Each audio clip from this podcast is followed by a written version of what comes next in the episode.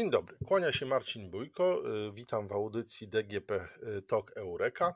Jest dzisiaj ze mną y, pani profesor Barbara Tora, profesor zwyczajny i pracownik Wydziału Inżynierii Lądowej i Gospodarki Zasobami Akademii Górniczo-Hutniczej w Krakowie. Autorka ponad 300 publikacji, w tym pięciu monografii. Jej artykuły ukazały się m.in. w czasopismach branżowych, opracowaniach kongresowych i konferencyjnych oraz w materiałach międzynarodowych. W ramach realizacji prac naukowych i badawczych wykonała ponad 100 prac naukowych wdrożeniowych na rzecz przemysłu. W obrębie zainteresowań naukowych porusza, się porusza zagadnienia związane z przeróbką surowców mineralnych. Dzień dobry pani profesor. Dzień dobry panu redaktorowi, dzień dobry państwu. Zajmuje się Pani e, przeróbką surowców mineralnych, ale jednocześnie pracuje Pani w firmie, która zajmuje się e, rzeczą, która brzmi troszkę dziwnie recyklingiem e, odnawialnych, odnawialnych źródeł energii. To trochę jakby oksymoron. Przecież odnawialne źródła energii z natury powinny być ekologiczne. Oczywiście, że są ekologiczne, dlatego że zakładamy, że produkują prąd Y, w sposób ekologiczny, w sposób minimalnie oddziaływujący na środowisko. E, ale z drugiej strony muszą produkować, może te, to, ta energia musi być produkowana w jakichś urządzeniach. Te urządzenia niestety y, podlegają y, zniszczeniu, po prostu zwykłemu technicznemu zużyciu. I w tym momencie, kiedy one już przestają funkcjonować, kiedy spełni, przestają spełniać swoją funkcję, coś trzeba z nimi zrobić. I to, to co chcemy z, z nimi zrobić, musi być bezpieczne dla środowiska. Dlatego nie wyrzucamy ich, myślę na przykład o wiatrakach, czy o, czy o ogniwach fotowoltaicznych, czy o panelach fotowoltaicznych, nie wyrzucamy ich na śmietnisko, tylko poddajemy je recyklingowi, tak żeby jeszcze coś z nich po, pożytecznego odzyskać. E, a co, co takiego cennego może być w panelach e, solarnych, które chyba składają się w głównej części ze szkła?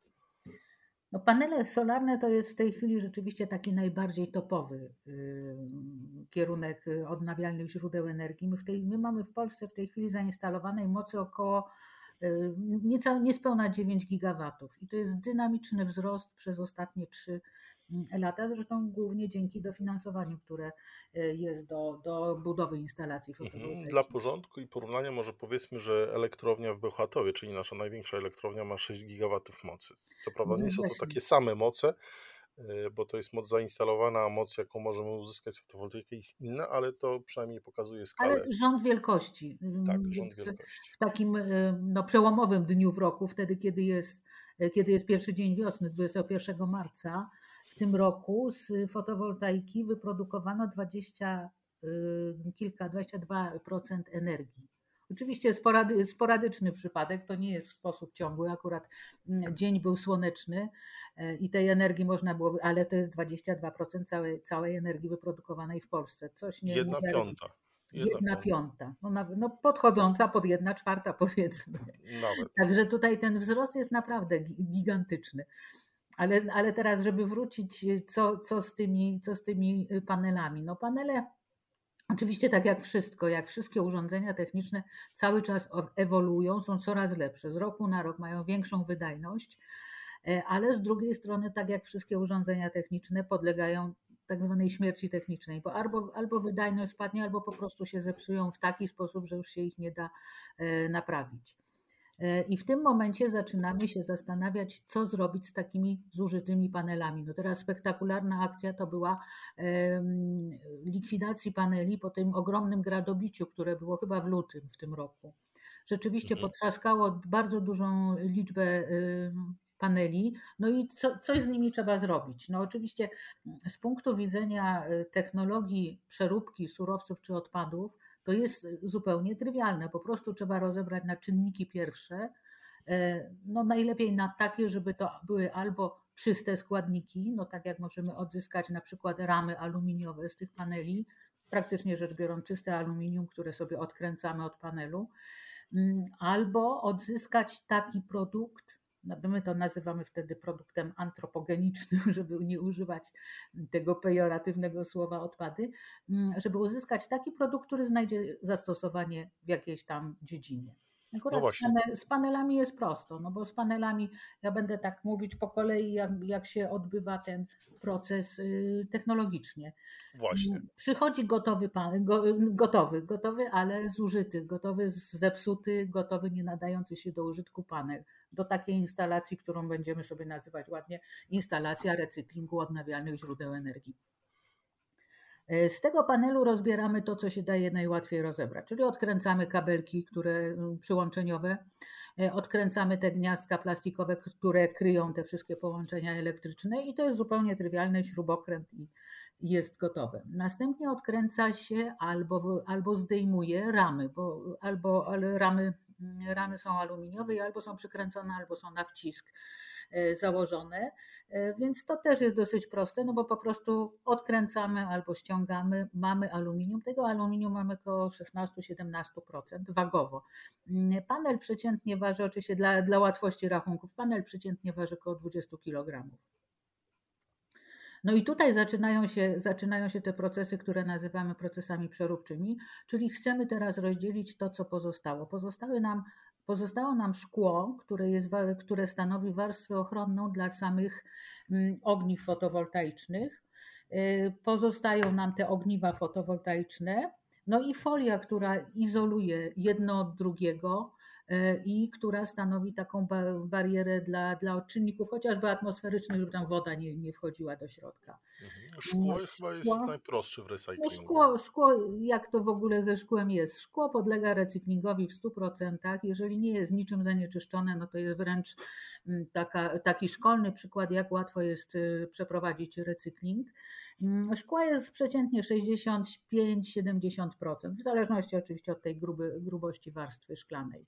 No to no, już jak dobrze liczę, dojechaliśmy do 80%. Y, no więc mamy panelu. pozostałe 20%, które jest dla nas cennym surowcem wtórnym, bo to są właśnie to są już y, same ogniwa y, fotowoltaiczne. One oczywiście są zbudowane w różny sposób, nazywamy to tam różnymi generacjami. Może nie będę wchodzić w szczegóły, w każdym razie takie ogniwo składa się generalnie z krzemu z pewnymi domieszkami, tak żeby mm, te procesy E, e, tworzenia prądu w wyniku e, świecenia światła słonecznego, żeby te procesy były jak najbardziej skuteczne. Takie, taką, taką, no powiedziałabym, w tym momencie to jest taka mieszanina krzemu z różnymi dodatkami. Rozdzielamy już takimi bardziej finezyjnymi metodami fizykochemicznymi, czyli albo to możemy ługować jakimiś kwasami bądź zasadami, E, albo możemy w procesie topienia, w takim procesie hutniczym, możemy to rozdzielać, starać się to rozdzielić, w zależności po prostu od budowy, mm, od budowy samego ogniwa fotowoltaicznego. Ale czy krzem jakkolwiek jest e, cennym pierwiastkiem, w końcu krzemu jest e, nieprzebrane ilości na ziemi? tak, krzemu, krzemu jest bądzile, krzemu jest ogromna ilość, bo krzem uzyskuje się z piasku, z krzemionki. Tak. Krzemionka SiO2, z, te, z tej krzemionki w procesie termicznym e, rozdziela, znaczy rozkładamy krzemionkę na, na krzem i na tlen.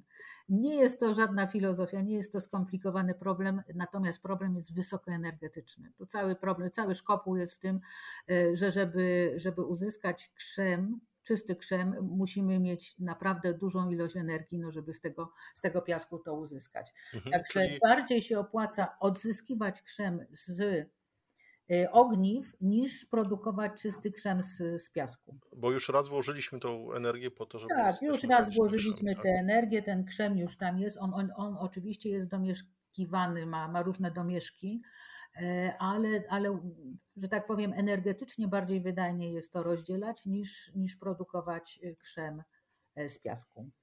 Mhm. No przy czym tutaj jeszcze co by jedno, co, co wartałoby powiedzieć, ten krzem, który nam jest potrzebny do ogniw jest bardzo wysokiej czystości, to też ma znaczenie. Mm, bo im wyższy ale jest domieszkowany. To jak jest domieszkowany, ale to jest, tam, to, to jest rzędu, rzędu ppm-ów, czyli gramów na tonę. Natomiast taki, e, żeby uzyskać takiej czystości krzem e, z piasku, to rzeczywiście trzeba już bardzo, bardzo wysokich technologii, bardzo, no niestety bardzo energochłonnych przy tym. Mhm. A to y, w porównaniu, jaki jest rząd wielkości? Jak, jak dużo jesteśmy w stanie zaoszczędzić, y, odzyskując krzem metaliczny z ognia? No y, tak od razu, od, od, od ręki mówiąc, to jest około 50% odzysku. Zresztą to jest mhm. taka sama proporcja, jak, jakby pan patrzył na e, recykling szkła z butelek, bo to jest dokładnie podobny problem. Tylko tutaj dotyczy krzemu, no a, a w butelkach mamy krzemionkę, mamy po prostu szkło E, szkło, szkło jakieś tam, no, szkło butelkowe, mówiąc tak y, nazwą handlową, y, y, zużycie energii na wyprodukowanie jakiegoś wyrobu, no na przykład tej butelki z, ze stłuczki szklanej, to jest mniej więcej 30% energii potrzebnej na wytworzenie takiej samej ilości szkła z piasku. Mhm. Także tutaj ta oszczędność jest istotna, to jest, to jest mniej więcej jedna trzecia jedna trzecia zużycia energii, czyli dwie trzecie oszczędzamy. Jasne, czyli y, jakby y, zaleta odzyskiwania krzemu nie bierze się stąd, że tego krzemu brakuje, bo y, brakować może czegoś innego, tylko bierze tak. się stąd, że oszczędzamy dosyć duże ilości energii. Tak, na... oczywiście. No, oszczędzamy na budowaniu instalacji do, do produkcji krzemu, oszczędzamy na, na samym procesie produkcyjnym. I co wychodzi z takiego procesu z tego recyklingu, z tego no, uzyskujemy czysty krzem, no i te wszystkie domieszki, które, które też są cenne, bo to może być na przykład srebro, e, może mhm. być złoto, no także to, to, Srebro, to jest... złoto to już brzmi bardzo ciekawie. No, to są ppm to jest, to jest bardzo malutko, mimo że no cena tak. jest wysoka. Okej, okay, czyli z tony, z tony paneli jestem w stanie uzyskać kilka gramów złota, tak? No, kilka gramów to jest tak tak optymistycznie mówiąc. Ale tak, to, to jest ten rząd, bo to jest rząd właśnie, tak jak mówiłam wcześniej, to jest rząd ppm-ów, czyli gramów na tonę. Mhm. E, czyli z jednej strony brzmi dobrze, z drugiej strony nie jest tego dużo. I co, co później można zrobić z tym krzemem? Zrobić nowe ogniwa. Po prostu uzyskuje się czysty krzem, ten krzem, krzem dalej może służyć jako e, materiał do produkcji ogniw, zamiast importować, no głównie producentem w tej chwili krzemu to są Chiny, no więc zamiast importować z Chin, no to możemy mieć swój. Zresztą taka instalacja powstaje mm, w Tarnowie. Albo, nie, albo już powstała, albo już powstała produkcji ogniw z krzemu. Także jeżeli byśmy mieli taką instalację, gdzie do, do recyklingu, no to już potencjalnym odbiorcą mogłaby być taka e, fabryka, która istnieje w Tarnowie. Okej, czyli jesteśmy w stanie e, dostarczyć nie, nie tylko e, szkło na, e, na te panele, ale również krzem i to tańszy niż gdybyśmy go pozyskiwali w No, tradycyjny sposób. oczywiście też taki dodatkowy plusik. No jeżeli będziemy to produkować w Polsce, no to oszczędzamy na transporcie z Chin na przykład. Co z punktu widzenia ekologii też jest bardzo ważne, bo transport też zużywa. tak, tak, tak, tak. W takim rachunku, dawniej nazywanym ciągnionym, a teraz life cycle assessment, to jest bardzo istotne, no bo te koszty transportu, te środowiskowe koszty transportu są, mhm. są istotne, te wszystkie ślad węglowy czy, czy inne wskaźniki. Czyli y, de facto taki panel, y, trywializując, rozbieramy, przetapiamy i robimy nowy panel. Tak, dokładnie. E, no dobrze, a e, co z e, tym drugim, drugą gałęzią OZE, drugą nogą OZE, czyli elektrowniami wiatrowymi, bo to chyba już nie jest tak proste do. No tutaj właśnie we współpracy z, z firmą Tulub robimy teraz taką przymiarkę, żeby zaproponować jeszcze coś innego dla wiatraków. No bo o ile wiatraki generalnie rzecz biorąc też będą się starzeć, no zwłaszcza te wiatraki na, na morzu, one poddawane jednak trochę bardziej e, szkodliwym oddziaływaniom, no chociażby tej wody słonej, czy, czy, czy, czy w ogóle wiatrów silniejszych na morzu. E, no i w pewnym momencie powstaje problem, co z tym zrobić. No sam, sam e, element, w którym produkuje się sama prądnica, no to nie jest problem, to jest zwykły odpad elektryczny, elektroniczny, bo tak są kwalifikowane i to wiadomo, co z tym robić. Problem to jest stosunkowo cenny, dużo, dużo metalu, dużo miedzi. Dużo metalu, dużo miedzi w ogóle, ale wiadomo, co z tym robić, bo takiego rodzaju odpadów jest no, ogromna ilość, no bo to tak jak, jak wszystkie silniki przecież, nie? Mhm, tak. Natomiast pozostaje nam problem tych ogromnych łopat, no bo łopaty te, te, które mają być stawiane na morzu, no to już są rzędu 120-140 metrów, więc to jest ogromne skrzydło. Na każdym wiatraku są trzy skrzydła, żeby nie było, e, o niewiarygodnych wytrzymałościach. To są materiałem są kompozyty mm, e, zbrojone włóknem szklanym lub, lub włóknem węglowym no ale w związku z tym, że one są bardzo wytrzymałe, no to powstaje problem, co z tym zrobić. No najpierw trzeba to zdemontować i gdzieś dostarczyć, żeby się tym zająć. No nawet mhm. jeżeli jest to tylko transport na, na, na, na brzeg, no to już jest, jest duża sprawa. Czyli już samo pocięcie na przykład jest problemem. Więc już samo pocięcie zaczyna być problemem. Oczywiście technicznie jest to do zrobienia, no bo przecież mamy różnego rodzaju piły, chociażby piły diamentowe. E, mhm. No niemniej jednak tak no, patrząc na, na wydatek, na wysiłek, który musimy włożyć, to rzeczywiście jest duża sprawa. E, tutaj jeszcze taka, taka dygresja. Oczywiście te, te skrzydła wiatraków też się naprawia. To nie jest tak, że o, tam się pokaże jakaś, jakieś zadrapanie, jakaś dziura czy coś tam, jakieś uszkodzenie na tej powierzchni. To to się naprawia. Są bardzo wyspecjalizowane firmy w Polsce, chyba jest ich sześć w tej chwili, może, może, może trochę więcej, które naprawiają takie skrzydła wiatraków w trakcie eksploatacji, czyli nie ściągając skrzydła, tylko po prostu e, wspina się człowiek, no i tam dokonuje operacji na, na mhm. naprawienie z dobrym skutkiem zresztą, bo jak później się okazuje, to te łaty, które się nakłada, są równie wytrzymałe jak takie nowe, nowe skrzydło odlane. No w każdym razie dla nas ciekawe są te, te łopaty, y, te, te śmigła, które nie nadają się już do naprawienia, które trzeba zlikwidować. Ile wynosi czas życia takiego śmigła? No liczymy standardowy. standardowo 25-30 lat. E, czyli y, powoli te pierwsze elektrownie wiatrowe, które stawialiśmy, już powoli zaczynają wchodzić w ten tak. czas u nas taki, taki boom, jeżeli pan pamięta, taki boom na wiatraki rozpoczął się jakieś 12-15 lat temu. To były wiatraki stawiane na przełęczy dukielskiej mhm. w Bieszczadach. No to one mają tak mniej więcej połowę swojej żywotności. Czyli tak. za, za kolejne 15 lat już będzie się, będzie się czym zastanawiać. Tak, ale Europa jako taka trochę no, wcześniej Europa jest te trochę, jest trochę, trochę bardziej do przodu. Wydaje się, że Niemcy w tym, no chyba Niemcy, Holandia, no tak. Tak, już zaczynają mieć problemy z y, recyklingiem. Ja mam przed oczami taki obraz y, nie, na pustyni śmigła zasypywanego piaskiem. To wydaje się bardzo głupim y, rozwiązaniem, no bo de facto chowamy problem, a nie rozwiązujemy pod piasek. Czy jest w ogóle jakikolwiek pomysł, co z tym zrobić, skoro śmigło jest no, niesamowicie wytrzymałe, nawet po zakończeniu no jest, tego swojego resursu? Kilka kilka, kilka takich spektakularnych obrazków y, można w, w, w, internecie znaleźć. Zastosowania to jako daszek na przykład dla parkingu dla rowerów. Można z tego mhm. jakąś kładkę zrobić, jakąś łódkę można z tego, z tych elementów zrobić. Y, tam wszędzie, gdzie są potrzebne materiały kompozytowe, y, takie, o takich właśnie bardzo wygórowanych wytrzymałościach. Parametrach. No ale z drugiej strony, z drugiej strony te no, zaletą kompozytów jest to, że kształtujemy je tak jak chcemy, a nie tak jak dostaliśmy. No, dokładnie. E, I e, robienie łódki, no oczywiście nie, nie wydaje mi się, żeby popyt na łódki zrobione z wiatraków był na tyle duży, żebyśmy mogli rozwiązać ten problem. Oczywiście, no podobnie te daszki do, do rowerów, rowerów. tak samo nie, niekoniecznie.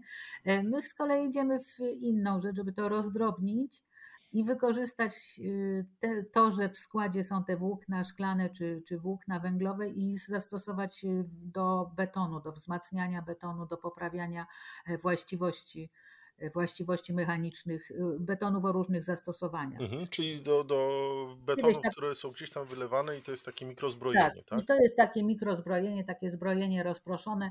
Y, kiedyś tak, z taką jedną firmą, która układa y, krawężniki, ale nie krawężniki na zasadzie, że elementy gotowe przyjeżdżają na na budowę, e, tylko wylewają krawężniki. No więc przyjeżdża betoniarka, no i wylewa tam na jakimś odcinku krawężniki, oczywiście z odpowiednimi mm, dylatacjami i tak dalej. I właśnie z taką firmą żeśmy się, żeśmy zrobili takie mm, no, wdrożenie, wydaje się takie dosyć ciekawe, właśnie tak, takie zbrojenie rozproszone, właśnie z takich elementów spociętych, y, spociętych yy, takich konglomeratów, takich kompozytów. Y, I co nam da takie zbrojenie rozproszone w betonie? Y, większą wytrzymałość. Y, no, oczywiście możemy też iść na przykład w stronę większej plastyczności takich elementów, w zależności od zastosowania, czy to będzie kostka betonowa, czy to będą jakieś elementy betonowe. Także po prostu zmianę, ale taką ukierunkowaną, zmianę właściwości betonów. Mhm. Ale czy to jest cenny surowiec, czy tylko zakopywanie tak. jakoś problemu? To jest, to jest cenny surowiec. To jest cenny surowiec, to absolutnie nie jest, nie jest to właśnie takie zakopywanie Mhm. w piasku, tylko po prostu te- celowe, świadome y, regulowanie właściwości Mhm. betonu. Techniki Dla jego zastosowań, dla, dla tych konkretnych zastosowań, które. techniki mikrozbrojeń są dosyć powszechne stosowane Tak. w e, budownictwie właśnie i w takim razie e, rozumiem, że e, jesteśmy w stanie coś zastąpić tymi łopatami. Jak, jakie rzeczy jesteśmy w stanie zastąpić? Jakie produkty? E, Pewnie jakieś No, polietyleny z ropy naftowej. dokładnie, dokładnie tak. No my mamy tutaj włókna szklane i włókna węglowe, one są naprawdę bardzo cenne. No więc to, to może zastąpić wszelkiego rodzaju dodatki po, po poli. E, Jak, e, jak dużo jesteśmy w stanie wykorzystać łopat do, Znaczy, do za, czy zalać łopat w betonie? Z jednej strony, no to jesteśmy w stanie wykorzystać całe, całe, całe łopaty. Mhm. Nic nam nie zostanie, możemy wykorzystać, no bo to jest w miarę, w miarę jednorodne. E, Natomiast jakie zapotrzebowanie rynkowe, bo rozumiem, ile tego Tak. da się zastosować. E, No myślę, że, że, że duże. No, trzeba by to pewnie odnosić do całej produkcji betonu w Polsce, no, czyli tam kilkanaście milionów ton. No oczywiście nie, nie 100%, no my tego do, ty- tych dodatków powiedzmy kilka procent, 10% to jest tak 12% Mhm. e, Czyli nie wszędzie, nie wszędzie to upchniemy, ale z drugiej strony jesteśmy w stanie poprawić e, To jakość nie betonu. upchniemy, tylko wykorzystamy, że to jest. Mhm. Za, zastąpimy, zastąpimy coś, co i tak byłoby stosowane w budownictwie, natomiast pochodziłoby z jakiegoś innego źródła. Z procesu, dokładnie z procesu recyklingu. Mhm. E, Jak wygląda e, tak krok po kroku taki proces recyklingu łopaty, za- zamieniania ją na betonową kostkę? Znaczy proces jest, y, no znowu z punktu widzenia takich procesów y, przeróbki mechanicznej jest bardzo prosty. My tutaj nie operujemy jakimiś nie wiadomo jakimi kosmicznymi te, technologiami.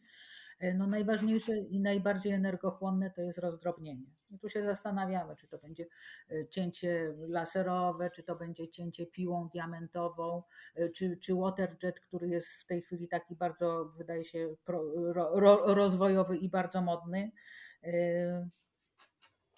Oczywiście tutaj zawsze powstanie problem, no bo jeżeli będziemy chcieli taką łopatę, a musimy to zrobić, roz, roz, rozdrobnić, e, pomniejszyć na, na miejscu, tam gdzie ona się znajduje, no bo nawet ze względu na transport, e, no to to musi być robione w jakiejś albo instalacji takiej, która jest instalacją mobilną, e, no albo takimi urządzeniami ręcznymi. Oczywiście takie firmy, które produkują różnego rodzaju materiały kompozytowe, no to po prostu robią to takimi ręcznymi no, tak jak, jak, jak, jak, jak, jakimiś ręcznymi urządzeniami do, do cięcia. I to też zdaje egzamin, oczywiście pod warunkiem zastosowania na przykład tarczy diamentowych. Mhm.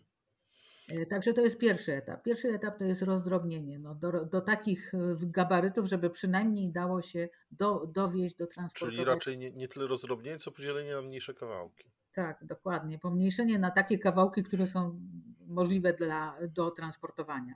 Mhm. No albo, albo po prostu, jeżeli byśmy mieli, a to jest zupełnie, zupełnie y, prawdopodobne, na przykład jakąś wytwórnię betonu na miejscu gdzieś tam, no to od razu na miejscu dostosować gabaryty takiego rozdrobnionego y, skrzydła do tego, y, co, co będzie Do tego, co zamówiła betoniarnia. Do tego, tak? co betoniarnia zamówi. Mhm. I, I co tam, co tam się będzie działo z tą łopatą? Mielimy ją, czy No nie, rozdra- kruszymy dokładnie. Kruszymy. W, takich, w takich nazwach fachowych, tak jak, jak, jak się przyjęło nazywać, kruszymy, czyli rozdrabniamy do wielkości e, kilkunastu milimetrów. kilkunastu milimetrów? kilkudziesięciu milimetrów nawet, Mhm. no bo to może być tam kilka centymetrów.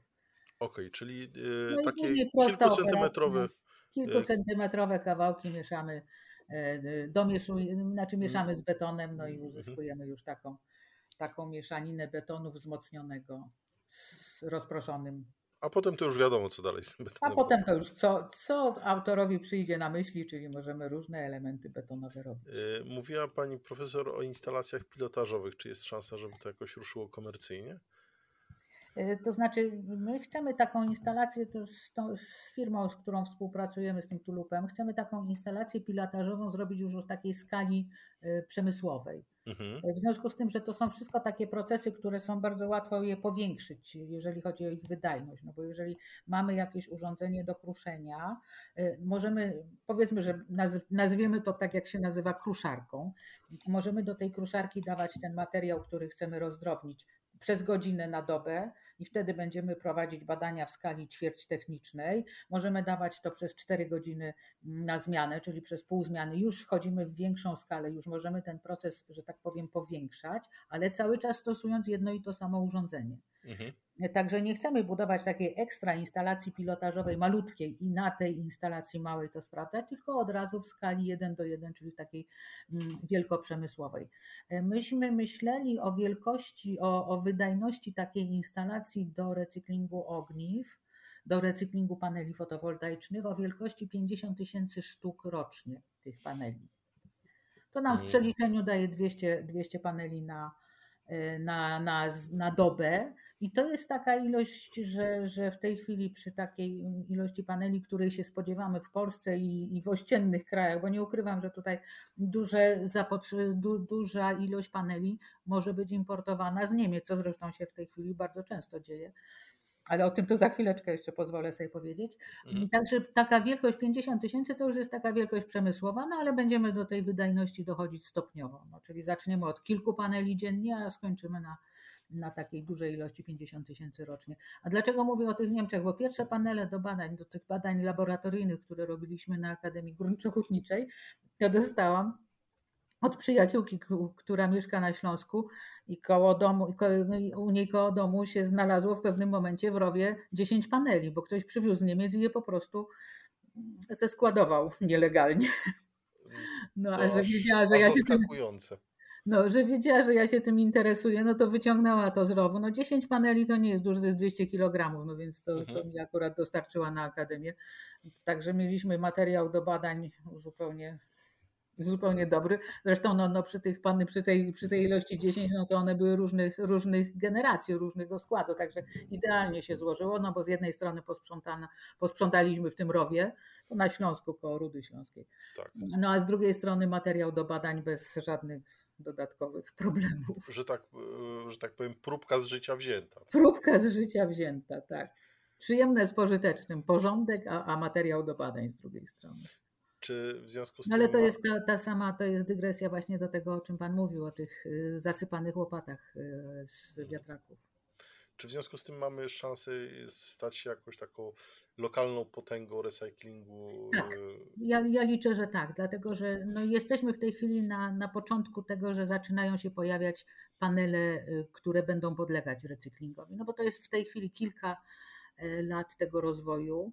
Mhm. Te ostatnie 4 czy 5 lat. No już Niemcy przywożą, tak? No, a Niemcy już przywożą. Tak naprawdę taka duża instalacja y, w Europie to jest Veolia, to jest we Francji. Mhm. No oczywiście też tam gdzieś takie małe instalacje, no bo ludzie to przerabiają. Oczywiście tak samo jak i mm, skrzydła wiatraków się przerabia na te daszki do, do parkingów rowerowych, no to tak samo widziałam z paneli fotowoltaicznych stoliki do, do ogródka. No to są różne historie.